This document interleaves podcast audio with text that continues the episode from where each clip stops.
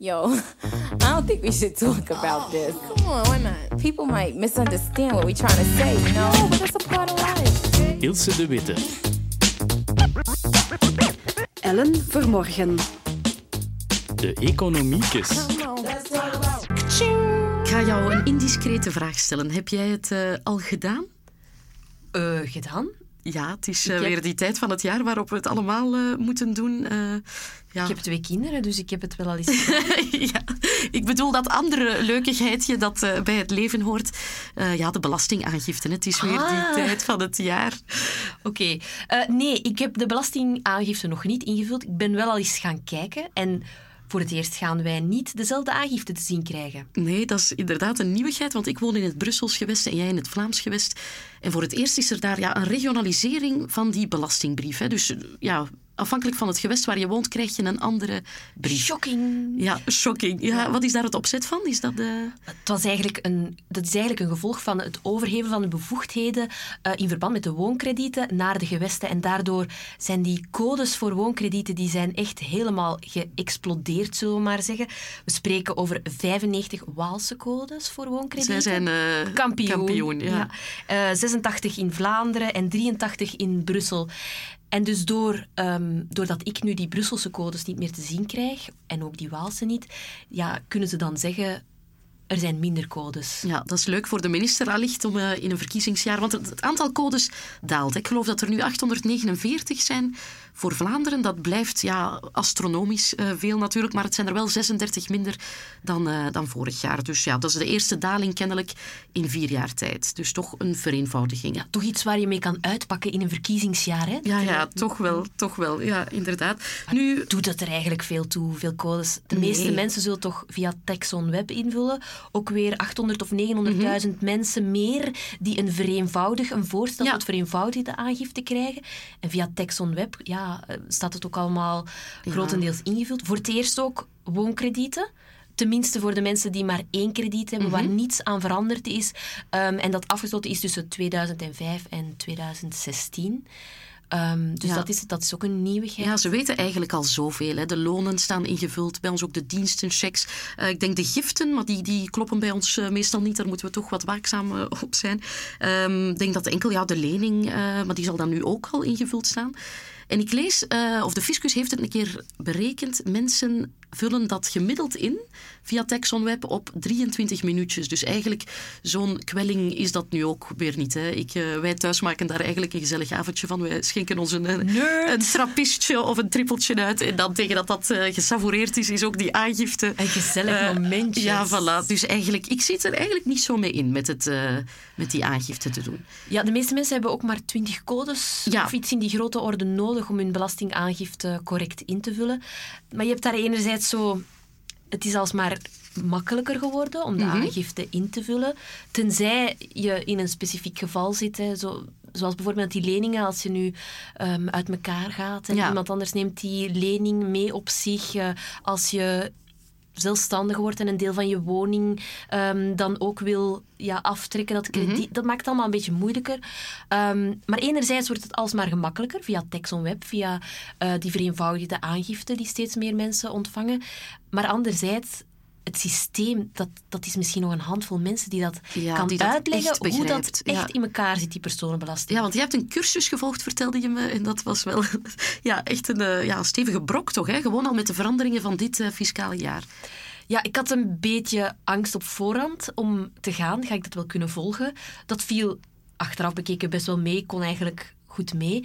Ehm, maar toen ik daartoe kwam, kreeg ik een cursus in mijn handen van 736 pagina's. Het was een eh, cursus eh, van Lieve van Belgium, van, van Wolters Kluwer. Ehm, ja, dat woog enorm zwaar, ondanks Ja, het dat, feit eh, dat dat heel dunne papiertjes waren. Ja. Ehm, ik hoorde daar ook al iemand zeggen, eh, ja, je hebt toch een tafelganneke bij, want je gaat hier wel met hoofdpijn buiten, hoor. Ja, dat, Ehm, dat kan ik me voorstellen. Ja. ja, dus daar komen ook elk jaar weer veertigtal pagina's bij, bij die cursus. Dus dat toont ook ergens aan dat het niet echt eenvoudiger wordt. Ehm, En, ja, fiscale experts moeten ja, voortdurend dus eigenlijk... eh, Ja, ik zat ja, daar dus tussen, tussen allerlei mensen die uit de, de bank- en de Mhm. verzekeringswereld eh, kwamen. Ook eh, fiscalist, eh, ook accountants en Mhm. boekhouders. ehm, die dus elk jaar op cursus moeten om de nieuwigheden in de aangifte te leren kennen. En dan, ja, dan hebben we het nog niet gehad over de mensen van de administratie, de ambtenaren, de controleurs, die het ook iedere keer maar weer moeten verwerken wat er allemaal verandert. En het stopt ook ergens niet. Hè. Ehm, ze, ze bouwen eigenlijk altijd maar fiscale Ja, ja, ja, want er koterijen zijn bij. ook nu weer nieuwe codes. Eén daarvan, en ik heb er zelf een fout tegen gemaakt. Hè. Een van die nieuwe codes is voor de opbrengsten uit de deeleconomie.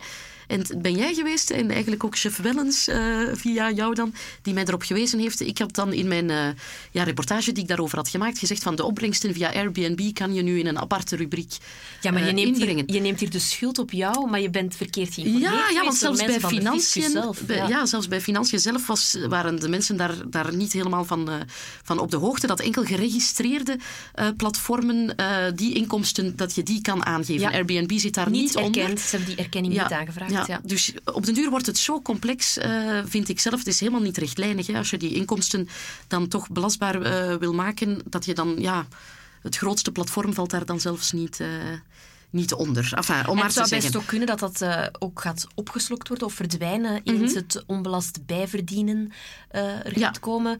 Ja.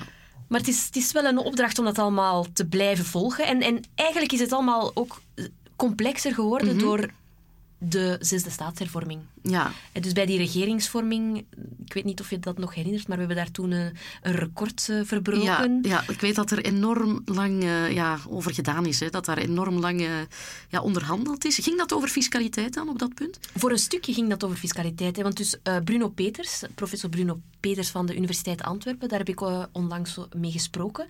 En ehm, hij heeft toen samen met enkele collega's, ze waren met vier in totaal, heeft hij moeten uitzoeken hoe ver kunnen we gaan met de regionalisering van de personenbelasting. Dus dat, ze moesten de koninklijke bemiddelaar toen adviseren, eh, omdat dat een eis was van de NVA, een van de partijen die betrokken was bij de regeringsvorming. En die, die wilde zo ver mogelijk gaan in die fiscale autonomie, in die ja, autonomie court. Ehm, en ze hebben dat toen onderzocht. En technisch, theoretisch, Ja. kan je dat dus eigenlijk gewoon helemaal gaan regionaliseren. Maar dan zou het dus zijn alsof jij in een ander land woont dan Ja. ik. Ik ga werken in Brussel vanuit Vlaanderen. Dan moet er dus een belasting, dubbel belastingverdrag worden afgesloten. Om er te voorkomen dat ik twee keer belastingen ga betalen op mijn geen echte Het- efficiëntieoefening. Het, zou het, het zou het allemaal niet gemakkelijker complexer maken. nee. En ik denk dat we met die regionalisering dat we daar misschien nog iets verder kunnen gaan, maar veel verder gaan we daar toch niet. Nee, daar zitten we eh, bijna aan het, aan het plafond in bevoegdheden die nog Ja. overgeheveld eh, kunnen worden. Hè. Ja, ik denk, ik weet niet, veel mensen hebben echt een negatieve eh, connotatie eh, met, met belastingen. En of die nu fair is of niet. En dat is dan voor iedereen eh, wat anders. En dat is een heel beladen discussie. En ik vind dat soms een beetje jammer. Ik denk belastingen, eigenlijk moeten we als iets positiefs profileren. Het is zo dat we onze collectieve voorzieningen kunnen financieren. Het is zo dat we de sociale zekerheid kunnen spijzen. Iets waar we mogelijk vroeg of laat ja, allemaal eh, beroep op zullen doen. Dus ik vind het jammer dat er eh, ja, zo'n negatieve bijklank eh, steeds hangt bij belastingen. Allicht omdat het in België zo complex is en in de ogen van velen niet eerlijk. Hè. Ehm, Wel, Bruno Peters die is ook de mening toegedaan dat als, als je het systeem zou vereenvoudigen, ehm, dat dat ook zou aanzetten tot het eh, correcter of het eh, ja, betalen van, van belastingen. Het is ook zo dat diezelfde Bruno Peters dat hij eh, in 2014 al een voorstel heeft gedaan tot hervorming van de personenbelasting. Ja. Hij heeft dat niet zomaar gedaan. Hij heeft dat gedaan op vraag van de federale overheidsdienst Financiën. Hij heeft toen dat rapport ook afgegeven aan toenmalig minister Koen Geens, Ja. minister van Financiën Koen Geens. Maar dat was dan vlak voordat hij dan minister van Financiën af. Ja, eh, ja. En dus ja, nu is hij van Justitie minister. Ehm, en in dat voorstel, dus ze werden gevraagd, ze waren gevraagd om te onderzoeken hoe kunnen we de last op arbeid naar beneden Mhm. halen. Want dat is iets, ja, we betalen meer dan 50% ehm, belasting op een stuk hè, op, van het in-. Dat is de hoogste inkomensschijf. We komen daar ook zeer snel in terecht. Dat is die skischans van van eh Garmisch-Partenkirchen, ja, daar wordt hij mee vergeleken. Ja. ja. En dus in zijn voorstel, ze gingen onderzoeken hoe ze binnen de personenbelasting ervoor konden zorgen dat er minder last op arbeid zou zijn. Maar dan moet je natuurlijk wel ergens anders eh Een inkomsten gaan basis zoeken, ja. je moet de, de belastbare grondslag moet je gaan Ja. verbreden. En een van de dingen waar hij dan op uitkwam, en dat is iets wat heel gevoelig ligt, Is dat is vermogen, nee. de meerwaarde. De meerwaarde, ja. Ja. En hoe je die dan moet interpreteren. Hè? Want daar is ook discussie over. Hè? Gaat het dan ja, enkel op, op de meerwaarde uit, uit aandelen? Of gaat dat over ja, huizen? Eh, ja, wat voor meerwaarde?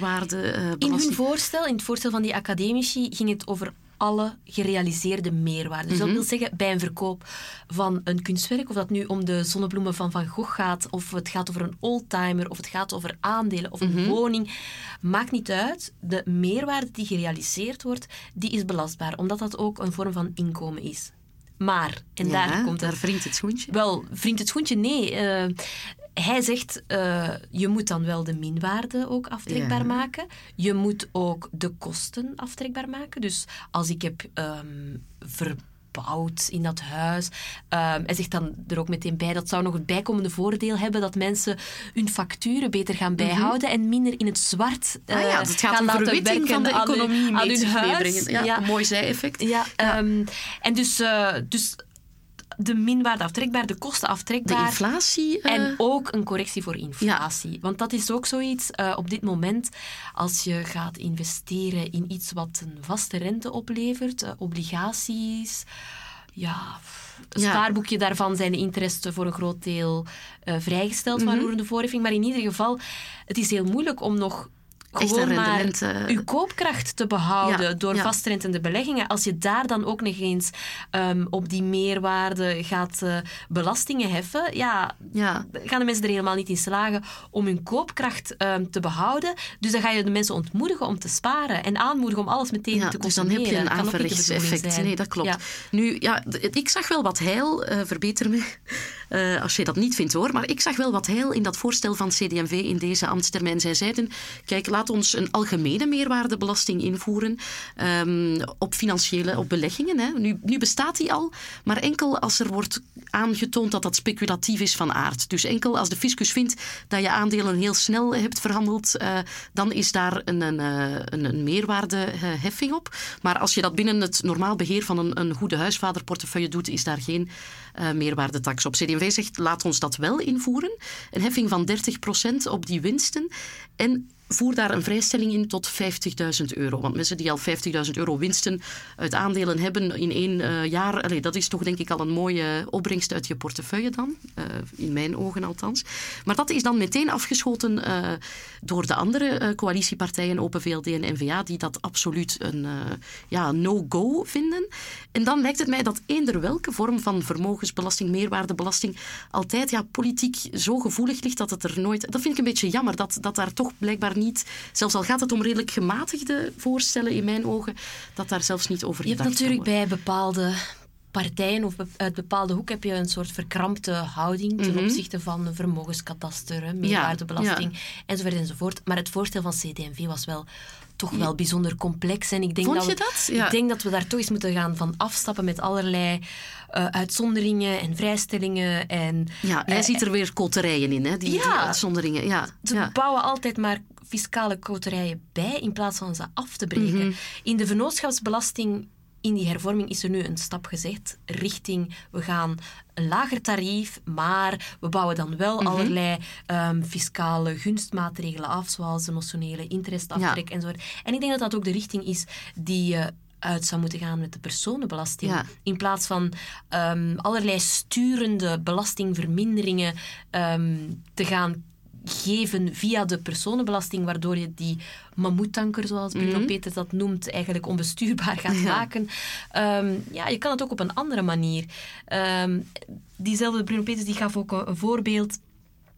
Als je een huis bouwt, Ja. dan weet je dat je een aarding voor je elektriciteit moet hebben. Dat Ja. is een bouwvoorschrift, een gebod. Waarom moest er dan plotseling een belastingvoordeel komen voor dubbel glas, voor isolerende eh, maatregelen? Stik dat gewoon in de bouwvoorschriften. Ga een Ja, keer na doe dat welke via je fiscaliteit, dat Ja, hoeft niet dan. Ga eerst een keer na Ja. welke instrumenten je hebt. ehm, geboden, verboden, eventueel desnoods subsidies. Mhm. Maar hou zo weinig mogelijk, allee, of steek zo weinig mogelijk van die sturende elementen in de belasting. Ja, en zo vereenvoudig je het van zichzelf. Maar dat het eerlijker moet en kan, ja, dat lijkt me toch wel... maar Het is dat dat voor iedereen anders is natuurlijk. Hè? Maar als je ziet bijvoorbeeld de Cayman-tax, heb jij dat een beetje gevolgd? Dat vond ik zo jammer, zo'n slag in het water. En er is daar 5 miljoen euro mee opgehaald, terwijl daar een half miljard begroot was. Dus een honderdste van de beoogde... eh, ja, Er is daar een poging gedaan om te berekenen hoeveel de Cayman-tax opbrengt. Maar die 5 miljoen euro, ehm, dat, zegt, dat zegt niet zoveel. Want dat, dat, dat geeft ge- niet helemaal weer ehm, hoeveel die Cayman-tax opbrengt. En hoeveel het opbrengt, valt eigenlijk niet te berekenen. Maar ik ben het helemaal met jou eens dat je dan ook geen 500 miljoen euro moet, Moet inschrijven, inschrijven, in je begroting. Ja. Ehm, en dat er, eh, hoe zal ik het zeggen, internationaal ook meer druk komt en dat we misschien ook af moeten van die ververnootschappelijking, want wij zijn Ja, ook, eh Belgen daar zijn we kampioen in. Ja. in de Leg eens uit, wat is dat weer precies? Eh, Ja, er wordt gezegd dat er een groot deel van de vennootschapsbelasting eigenlijk afgeleide personenbelasting is. Ja. Ehm, dus dat gaat dan... Het gaat dan bijvoorbeeld om sporters die Mhm. een vennootschap oprichten om ehm, op die manier ehm, een beetje een uitweg te zoeken aan de personenbelasting. Want wat je ook hebt in de personenbelasting is dat dat jaar per jaar eigenlijk gaat kijken naar jouw inkomsten. En bijvoorbeeld die sporters die halen op één jaar of op enkele jaren zeer veel inkomsten en die moeten daar dan ook veel belastingen op betalen, ook door die eh, progressiviteit in de, de tarieven.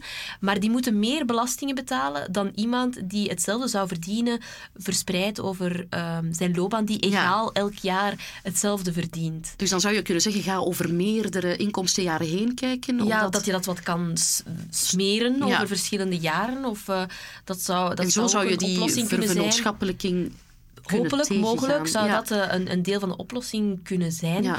Ehm, maar ja, het is omdat ergens mensen iets oneerlijk vinden Ja, in de personenbelasting, dat ze dan gaan kijken naar, naar optimalisatie. naar de vennootschapsbelasting, Ah ja, naar de ja. vennootschapsbelasting. Ja, inderdaad. van, Ja. kan ik het niet beter via Ja, die weg doen? Ja. En Ja, dat- zou het niet helpen, denk ik, dat is nu wat op een, een meer beschouwelijk niveau, als we echt wisten waarvoor onze belastingen gebruikt worden? En zou dat mensen niet meer aanzetten om, om, ja, om ja, belasting, minder belastingzonden te plegen eigenlijk? Dat is ook het weten... idee dat de fiscus eh, heeft. Hè? Dus, Ah, is eh, dat zo? Ja, wel, ze zijn eigenlijk de, de theorie van de nudge van ehm, de laatste Nobelprijswinnaar economie, van Richard Ja. Taylor, ehm, zijn ze gaan proberen toe te passen in de praktijk. Hè? Dus wat je nu ziet als je Texon Web opent, ehm, ga je daar ergens te zien krijgen waar jouw geld naartoe gaat. Want je krijgt zo'n taartdiagram Mhm. te zien. Eh, het heet ook, als je naar de titel van de pdf gaat kijken, de nudging letter. Oh, wauw. Ja. Ze zeggen dat zo, zo bout, Ja, waar ze hun inspiratie gehaald hebben. En dan, dan zie je bijvoorbeeld dat 12% van, het, eh, van de inkomsten naar onderwijs gaat, 1,6% Mhm. naar milieubescherming. Ik weet dat dat iets is wat jou nou, nou aan het Dat, hart ja, ja, want een milieutax, ja, breekt me daar de Dat vind ik ook een groot gemis. Maar fijn, we gaan het nog wat verder over nudging hebben. Dus je krijgt te zien waar eh, ja, dus je, je belastingen naartoe gaan. Zou dat kunnen helpen, denk je? Om, eh, Ik denk dat het nog een beetje vaag blijft, eerlijk gezegd. om ja. Ja, dat, het blijft weinig concreet natuurlijk. Als je echt zou weten van ik betaal hier en daarmee ehm, wordt deze school in mijn buurt eh, gefinancierd. Ik Ja. weet het niet. Dat, maar zou helpen, Dat ja. zou, zal waarschijnlijk ook te moeilijk zijn om dat op zo'n niveau uit te splitsen. Het wordt ook allemaal in één grote pot gestoken en daarna verdeeld. Maar ik weet niet of dat nu echt. ehm In ieder geval is het een mooie theorie, hè, nudging, dat je een Ja. psychologisch zetje geeft aan mensen om meer burgerschappen, meer goede keuzes De te fiscus maken. gebruikt dat ook al langer. Hè. Ze, Mm. ze hebben ook ehm, in hun, eh, de opstelling van hun brieven om aan te zetten tot bet- of aanmaningen voor het, betalen van belastingen, ehm, zetten ze blijkbaar ook al hoeveel mensen er wel correct hun Ja, ja. belastingen betalen of op tijd betalen. Ehm, dus ja, het zijn allemaal trucjes die ze proberen toe te passen. En eh baat het niet, dan schaadt het niet. Hè. Ja, inderdaad. Ja. Het blijft natuurlijk ja, een heel verhit onderwerp. Het is wat Benjamin Franklin zei. Er is niks zeker in de wereld behalve de dood en, in belastingen. Dus het is iets ja, wat, eh, waar we niet, niet rond kunnen.